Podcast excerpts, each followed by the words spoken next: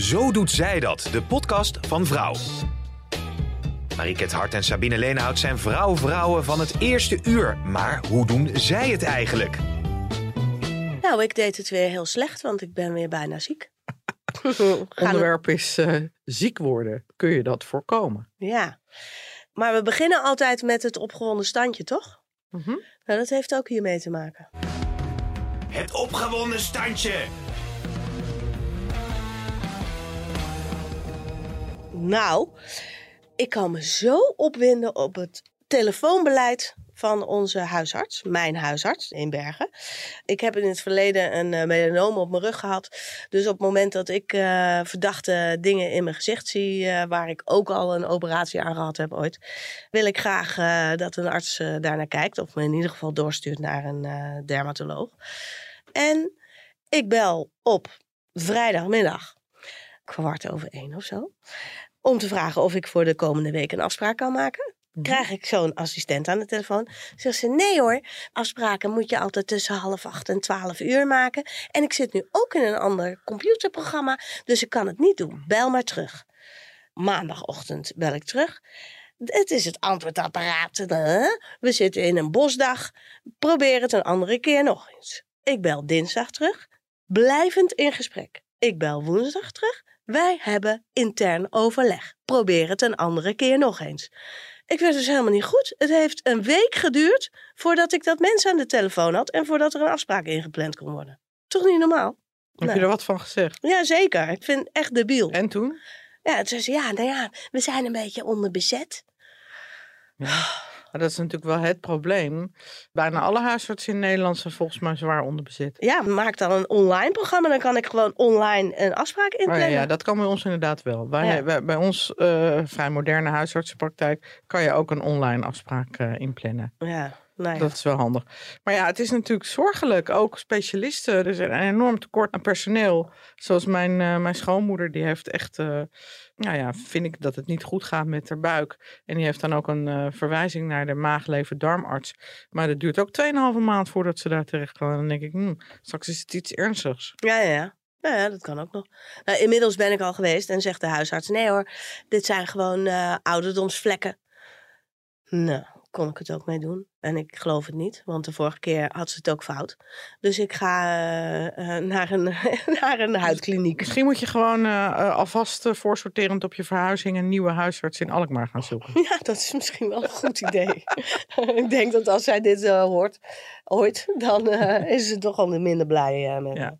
Maar goed, we hebben het dus vandaag over ziek worden. Kun je dat voorkomen? Ja. We worden natuurlijk allemaal een dagje ouder en we willen allemaal gezond en fit ouder worden zonder kwaaltjes. En we gaan onder andere daarover in gesprek met Janneke Wittekoek, die ons daar vast meer over kan vertellen. Ja. Maak jij je daar wel zorgen over, over gezond ouder worden? Of heb je een, vind je van jezelf dat je een gezonde leefstijl hebt? Um, nou, in de basis heb ik wel een uh, gezonde leefstijl, denk ik. Ik ben uh, sportief, dus beweeg uh, redelijk veel. Ik doe te weinig krachttraining. Doe het wel, maar te weinig. Uh, volgens andere experts zou ik dat meer moeten doen, omdat je na je vijftigste toch spierkracht verliest en dat kan je beter op peil houden. En ik slaap te weinig. Nou, ik denk dat ik wel goed eet. Gevarieerd en gezond en vitaminerijk. En, twee ons en twee stuks fruit. Jawel. Dat soort dingen. Ja. Ja, wij krijgen hier bij de Telegraaf ook altijd een uh, stuk fruit, hè? Gratis ja, even niks. S ochtends kan je fruit pakken. Vind ik wel heel lekker dat ja, ze ik dat ook. doen. Ja. Ik ben nu uh, heel grappig een boek aan het lezen van Teun van de Keuken. Ja. Culinair journalist ook. Ja. En die heeft alle bekende diëten uitgeprobeerd. En die heeft gezegd, dan hoef jij het niet meer te doen. Ja. Nou, uh, hij praat er ook over met een diëtiste en uh, hoogleraar uh, Hanno Puil. En Ja. na ieder dieet gaat hij dus kijken nou, hoe het staat met zijn gewicht en hoe het is met zijn omtrek en met zijn cholesterol en dat soort dingen. Ik, ben, ik heb alleen maar het eerste hoofdstuk gelezen, waarbij hij dus echt strikt de schijf van vijf van het voedingscentrum volgt. Ja. Wat dus bestaat uit best heel ingewikkeld. Want nou ja, naast de twee ons groenten en twee stuks fruit moet je dus zes boterhammen per dag eten. Dat is nog naast je uh, aardappelen en je pasta. Dus heel veel koolhydraten. Ja. Maar daar mag je dan wel maar heel weinig uh, beleg op. Ja. Dus ik geloof uh, 100 gram vlees en kaas en dat soort dingen per dag. Ja. Dus het zijn een beetje van die schraalhans boterhammen met, heel dun beleg. Maar, maar, wel weer boter en ongelooflijk veel zuivel. Ja, en nou zijn er hele volkstammen die bijna geen brood eten. Hoe uh, werkt uh, dat uh, Nederlands voedingscentrum dan in dat soort landen? ja, geen idee, maar dat is misschien wel leuk om het zo meteen even aan Janneke te vragen. Ja. Maar hij vond het ingewikkeld om zich strikt aan die schijf van vijf te houden. Ja. In het tweede hoofdstuk gaat hij helemaal keto. Ja. Daar ga ik nu aan beginnen. Dus maar het is wel echt leuk uh, uh, om te lezen wat zijn bevindingen zijn. Ja, ja, ja. Ga je wel eens op dieet? Ja, ik heb wel eens een dieet gedaan. Ja. Ja. Wat hij ook zegt uh, is dat inderdaad... Um, het is gewoon belangrijk dat er... Ja, dat is wat hij wel zegt. Van, ja, je moet gewoon minder eten en meer bewegen. Eigenlijk in principe werkt dan elk dieet. Ja. Omdat je gewoon meer moet verbranden dan dat je binnenkijkt. Maar nou, laten we gewoon Janneke eens bellen. Want ik ben heel benieuwd wat zij daarvan zegt. Zij is uh, cardioloog ja. en uh, ze is oprichter van de Heartlife klinieken. En uh, ze leert patiënten hoe belangrijk een gezonde levensstijl is. Dus ja. ik ben benieuwd. En zij uh, is toch ook van de Dress Red uh, ja. Day en zo? Ja, zij zet heel erg uh, hoe heet het, hart- en vaatziekten bij vrouwen op de kaart. Ja, omdat het voor vrouwen toch echt anders is dan voor mannen. Nou, en omdat je als vrouw met pijn op de borst en kortademig wordt je snel naar huis gestuurd door de huisarts. Het zal wel hyperventilatie zijn en dan blijkt het toch een stuk ernstiger. Ja, ja. Terwijl hart- en vaatziekten de doodsoorzaak nummer één is bij vrouwen. Oh, ja. Nog meer dan kanker. Ja.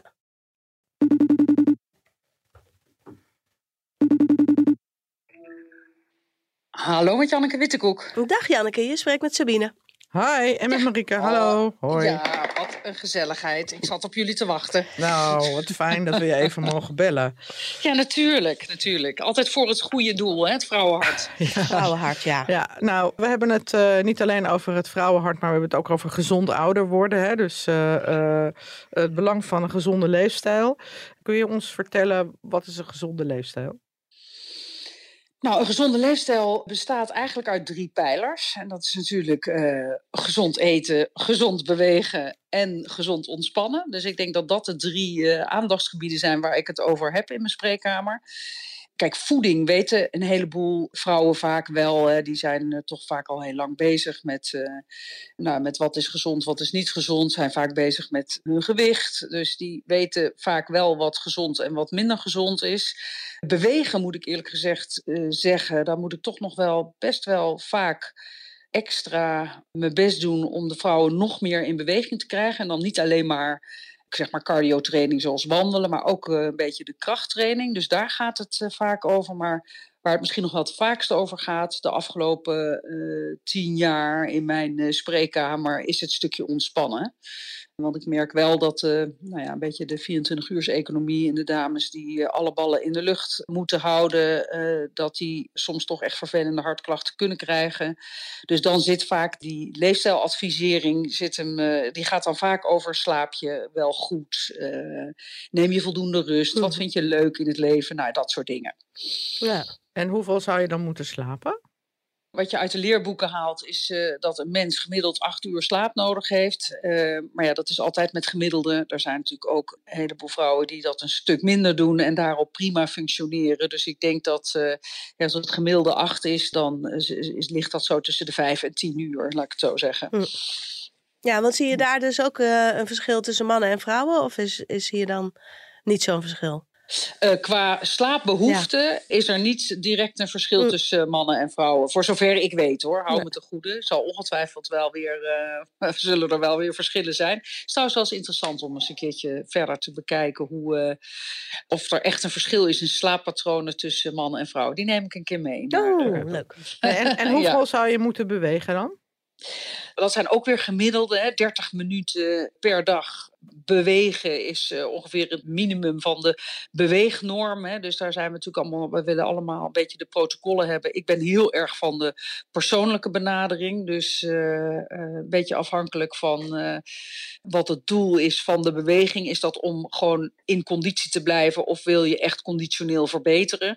Als je al een goed conditioneel niveau hebt, dan kun je dat onderhouden door in ieder geval 30 minuten per dag te bewegen en drie keer per week matig intensief. En dan uh, bedoelen ze dat, eh, dat de hartslag uh, gedurende een, een paar minuten in ieder geval boven de 100 is. Dus ja, het is een beetje maatwerk. Maar mm. als jij mij vraagt naar een, de meeste kort door de bocht leefstijladviezen qua voeding, eet vers en onbewerkt. Zorg dat je je 200 eh, gram groente krijgt op een dag. 30 minuten eh, lopen per dag of fietsen of eh, in ieder geval bewegen. Dan zit je goed en slaap 8 uur per dag. Dat is de top 3 heel gemiddeld. Ja. en uh, we hadden het er net over dat er bestaan nogal wat misverstanden of in ieder geval discussies over wat is dan die gezonde voeding. Hè? Ik ben wel eens bijvoorbeeld dat ik het advies op de sportschool kreeg dat ik elke dag kokosjoghurt moest eten bijvoorbeeld.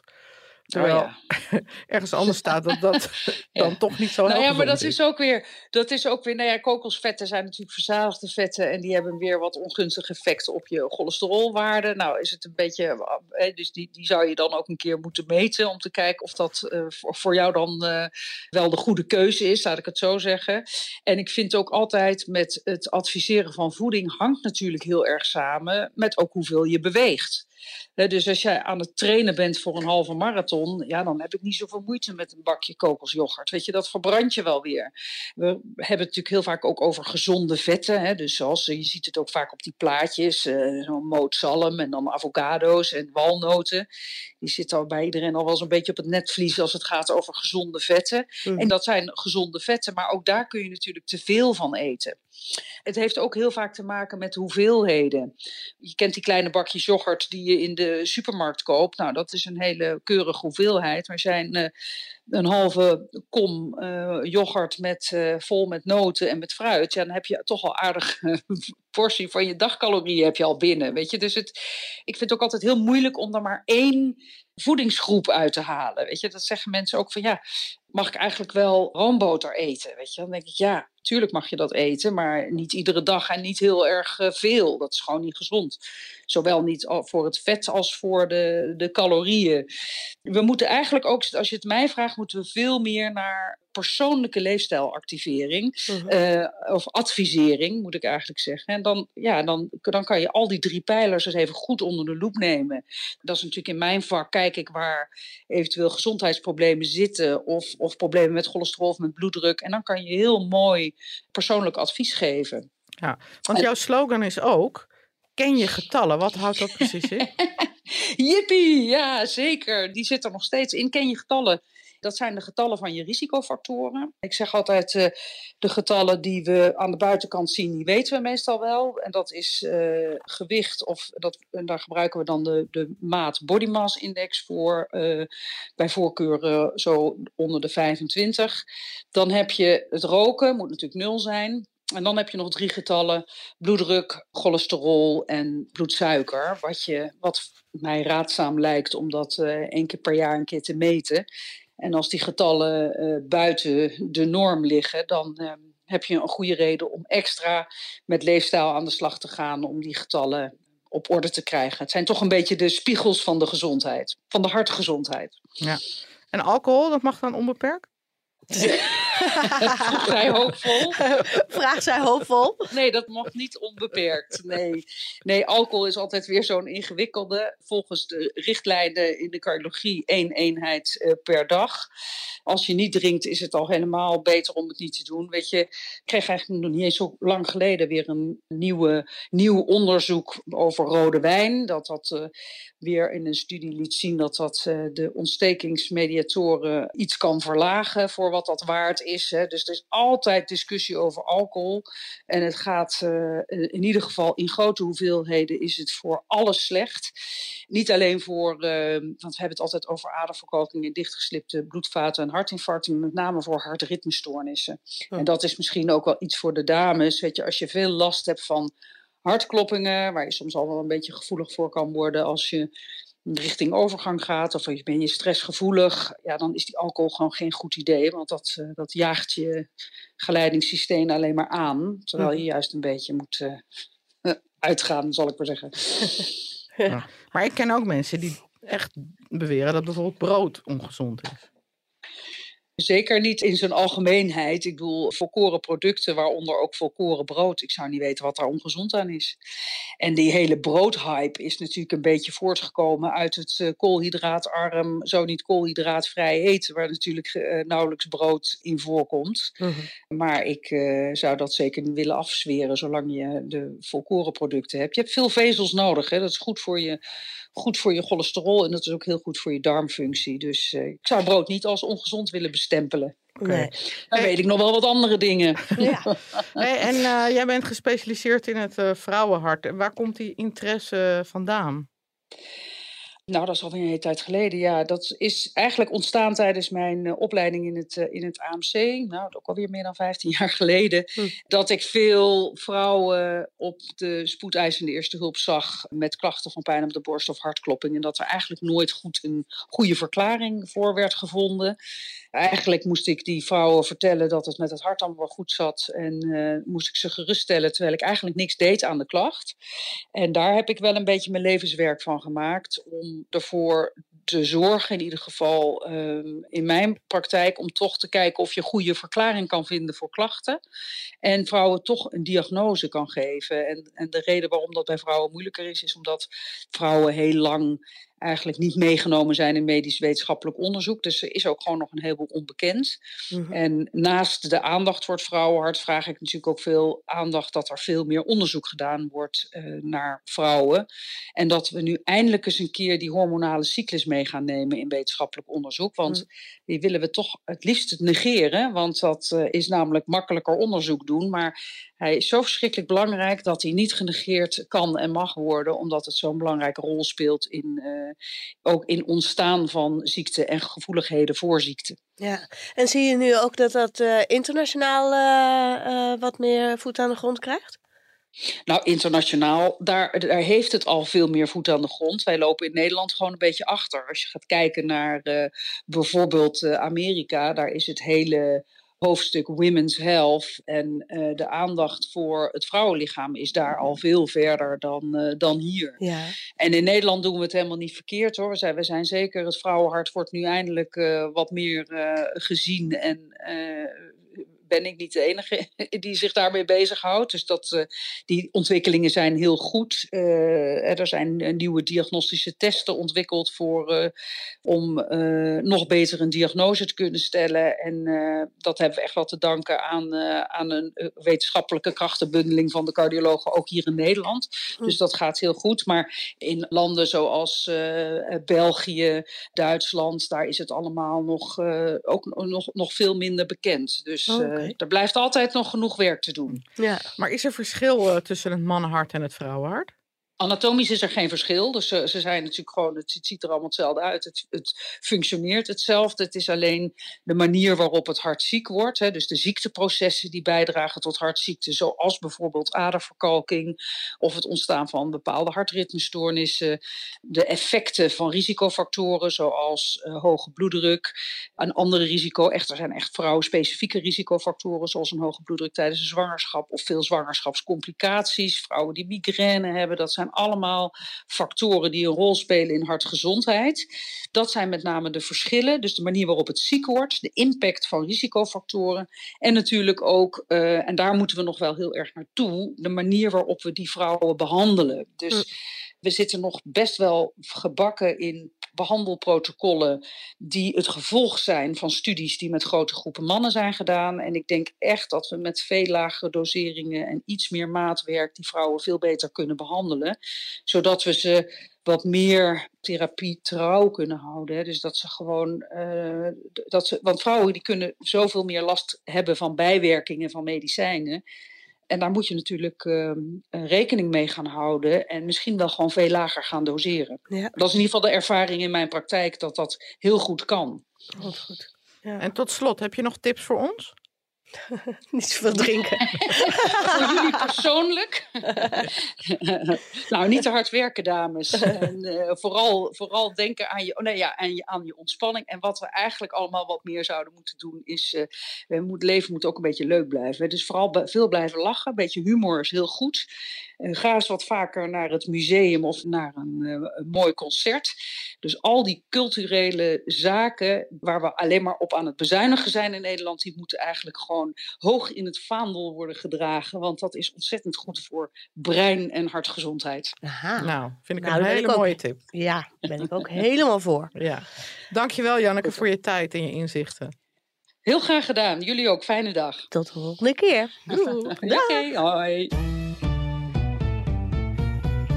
Wat ze dan zegt, hè, België en Duitsland, dat ze daar uh, niet op de manier bezig zijn zoals zij bezig ja. is. Hè?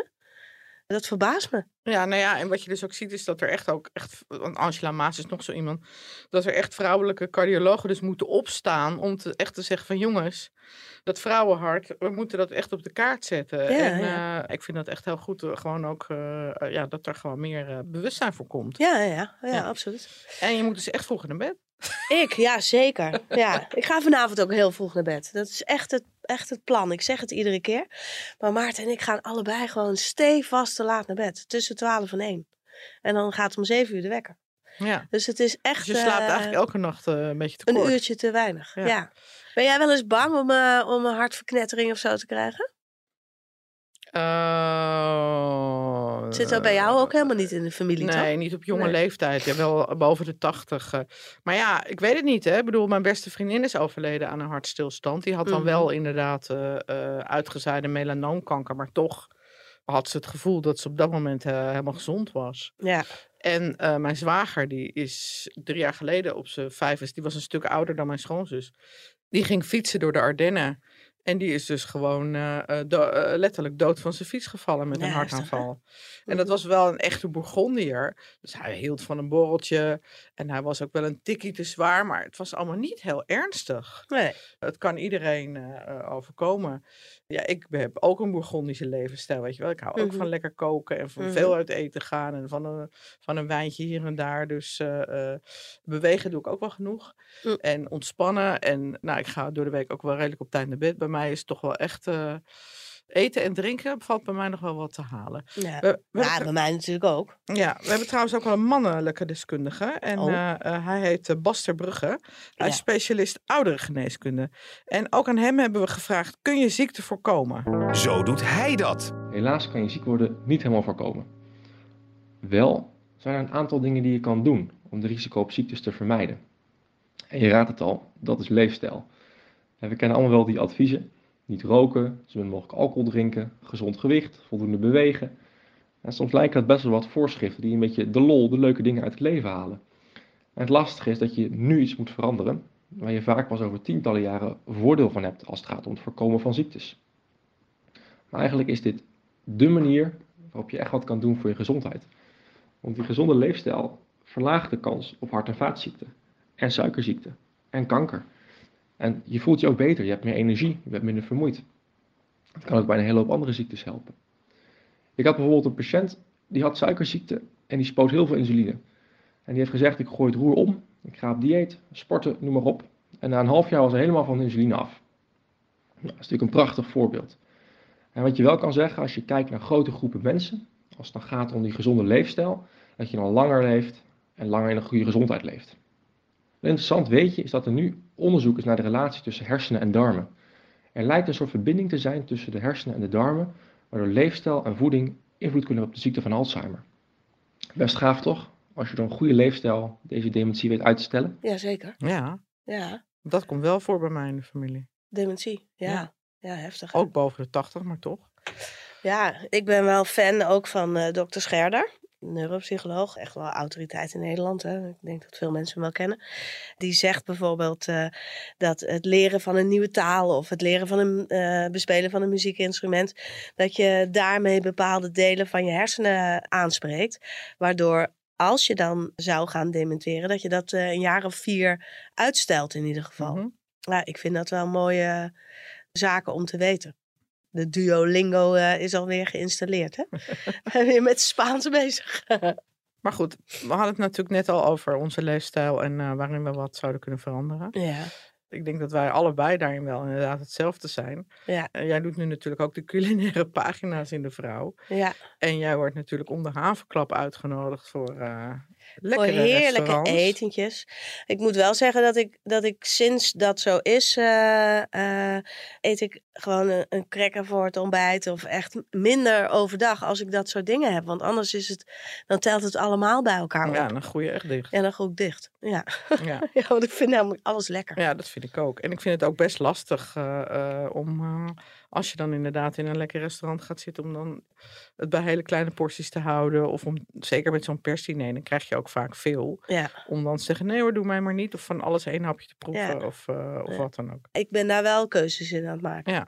Je hebt nu een beetje zo'n zo'n hype en die heet dag 1. Helene van Rooyen is natuurlijk eh, eh, net 10 kilo afgevallen. met zes weken lang heel eh, intensief sporten. Elke dag eh, sporten en dan ook nog elke dag 10.000 stappen en heel weinig eten. Ik heb een eh, paar weken geleden heb ik Isa Hoes geïnterviewd. Die komt binnenkort in Vrouw. Ja, Die was ook bezig met, met dag 1. Ook in een hotel kregen we de lunch aangeboden en zij had haar eigen eten mee. ja, En dat bestond uit echt een heel klein kommetje courgettesoep met een paar snippers zalm. En dat was haar hele lunch. Ja. Ze zegt, ja, nee, eh, die discipline kan ik echt heel makkelijk opbrengen. Ik wil dat gewoon. En eh, ik wil eh, me fitter voelen, energieker voelen. En ik wil minder vet en meer spiermassa. Dus zij zette echt die knop om. Dat Mhm. kan ik ook wel voor een paar weken. Ja. Maar niet ehm, heel lang. Nee, Jij? Nee, want dat bewijst mijn lichaam wel. ik ben tien jaar geleden 10 kilo afgevallen en inmiddels tien jaar later gewoon weer terug op, dat, op die eh 80, 81 kilo. Ja. Ja, Nou, het vervelende is namelijk dat je lichaam, die, die doet er alles om dat vet vast te houden. ja dat, dat is ook zo. Ja, Eh, ken je je getallen ook? Je, je BMI, je cholesterol, Ja, je bloeddruk, eh, al die dingen? Ja, ja. Ja. Ja, ken ik. Ja. En eh, mijn bloeddruk is, is heel goed. Mijn eh, BMI is 26. en dat is natuurlijk eh één te veel. Nou, bij BMI is 27, is twee te veel. 27? Ja, Hoe dan? ja, gewoon. Je bent niet lang genoeg. Ik ben niet lang. ik ben niet lang genoeg.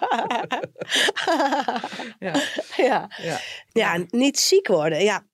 Ik ben ook wel bang eh, voor hersenziektes hoor. Her- her- herseninfarct, zoals Oh. Mariska Bauer. Nou, zoiets. Ja, dat, dat li- lijkt me zo nee, dat lijkt me ook heel erg. Dat je inderdaad met een scheve mond zit of halfzijdig verlamd. Of, eh, Ja. En dat zijn natuurlijk ook hart- en vaatziekten. Ja, Ik las een artikel dat eh, eh, hersenbloedingen en herseninfarcten ook vaker voorkomen bij jongeren onder de 50. Als gevolg van een slechte levensstijl. ja, ja. Dus inderdaad roken, drinken, drugsgebruik, overgewicht, Ja. al die dingen. Dus dat het inderdaad ja, best zaak is om ook voor de lange termijn om gewoon te beginnen met eh, gezond leven. Mhm. En eh, nou, ik heb er nog wel al wat over op te biechten. Hmm. Opgebiecht. Nou, Marika, kom maar door. Nou, ik eh, ben afgelopen week op vakantie gegaan. Hm. Voor de goede luisteraar heb ik vorige podcast verteld dat ik naar Frankrijk zou gaan. Dat was ook het plan. We zouden naar de Bourgogne eh, met eh, zes vrienden, drie stellen. En de weersverwachting was echt verschrikkelijk slecht. Regen, kou, sommige dagen niet, eh, tussen, niet warmer dan 13 graden, één dag zelfs 9 graden. En op maandagochtend zetten we in de groepsapp, eh, jongens, hebben jullie de weersverwachting gezien? We kunnen het huis nog annuleren tot vanmiddag 4 uur. Toen hebben we het huis geannuleerd zonder dat we een plan hadden.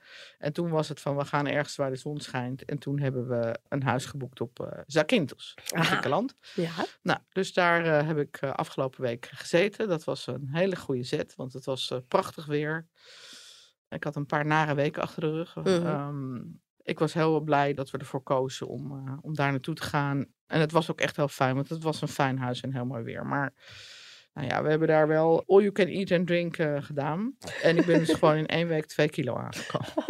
ah, joh, dat is er zo weer af. Jawel, maar als ik dan dit soort dingen hoor van Janneke en Bas, van echt die alcohol is echt heel slecht en je moet eigenlijk niet meer dan één eenheid per dag en liever helemaal niet. En eh, eh, Nou ja, dan denk ik van, eh, ja. hmm, hmm, hmm, Zou jij daar helemaal niet eh, alcoholgebruik kunnen? Willen? Nou, ik doe dat in januari altijd. Hè. Dan doe ik ja. altijd de dry gen. En dan eh, merk ik ook, dat merk je niet meteen, maar je merkt na een paar dagen wel dat je je echt fitter voelt. Mhm. Dat je echt beter slaapt. Dat je huid er mooier van wordt. Alle voordelen van geen alcohol. Maar ik vind het gewoon ongezellig. Ja. Ik vind gewoon niet drinken, zeker in een gezelschap van mensen die wel drinken, vind ik ongezellig. Ik zou nooit in mijn eentje drinken. Ik drink in principe door de week ook nooit. Maar als je met een groep mensen bent. Ik heb ook wel meegemaakt dat eh, ehm, gingen we met vriendinnen gingen we de Dam tot Dam eh, wandeling doen. Dat is dan van eh, altijd in september van de Amsterdamse Dam naar de Zaanse Dam. Dat is dan 20 kilometer. Is echt Mhm. wel een flinke, flinke wandeling. Ja.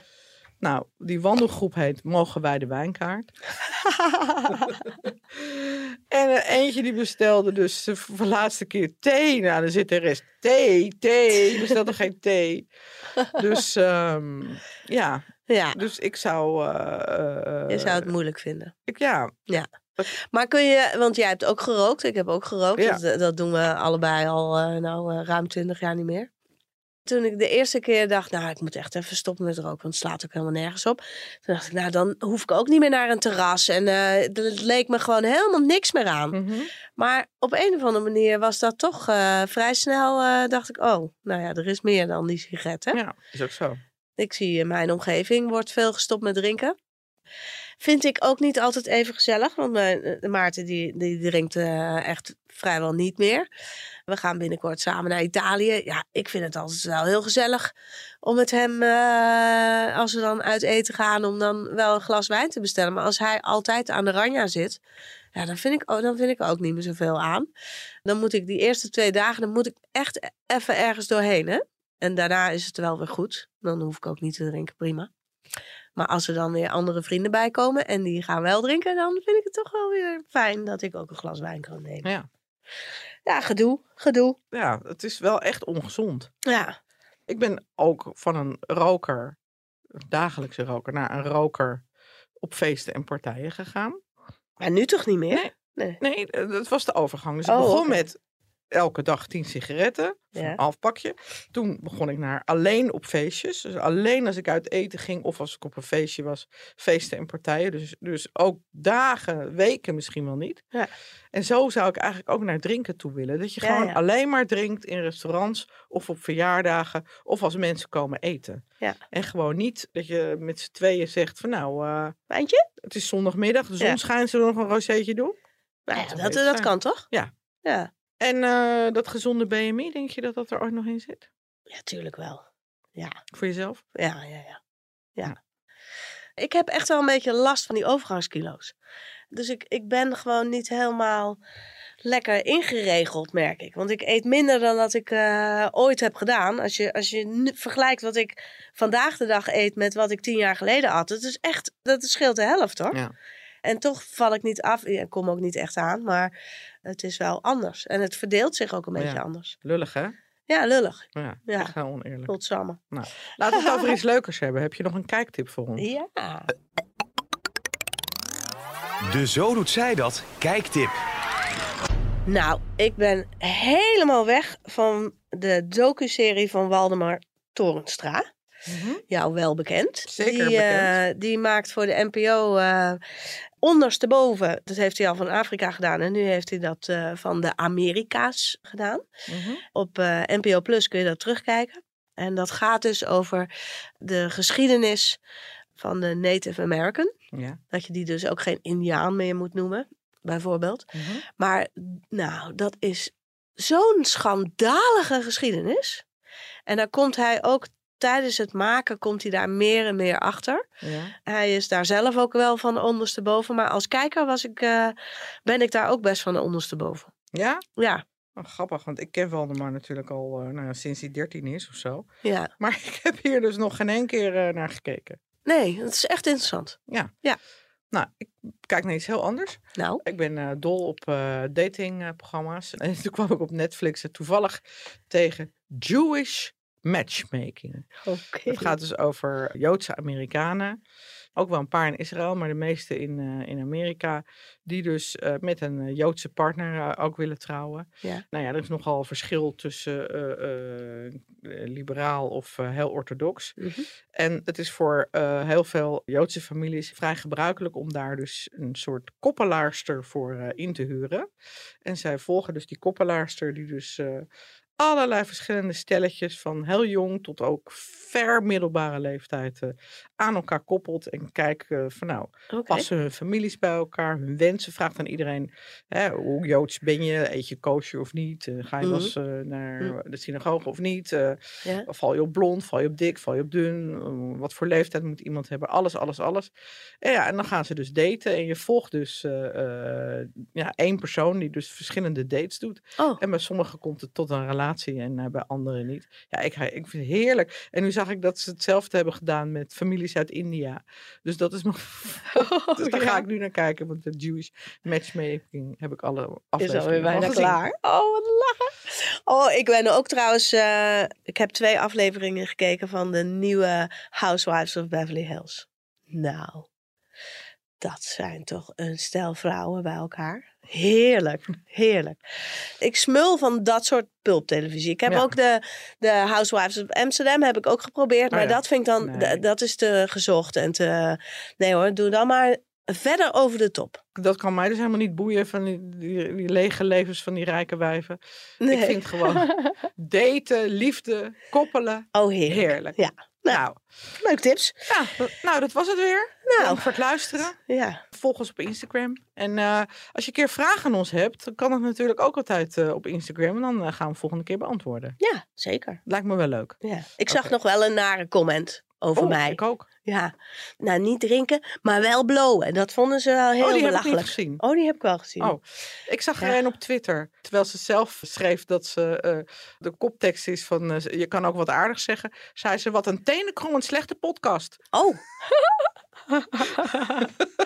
ja, dat kan. Ja, dat Nou, kan. ik kom steeds meer mensen tegen die het luisteren en eh, aangenaam verrast Nou, blijken. Ja. leuk toch? Ja. Goed. We gaan eh, morgen proosten op ons boek, wat er ook nog aankomt. Overmorgen. Overmorgen. Ja. Oh ja. Met champagne. Met Shit, champagne. We vragen om karnemelk. Tot de volgende Tot de keer. volgende keer. Doeg! Doei.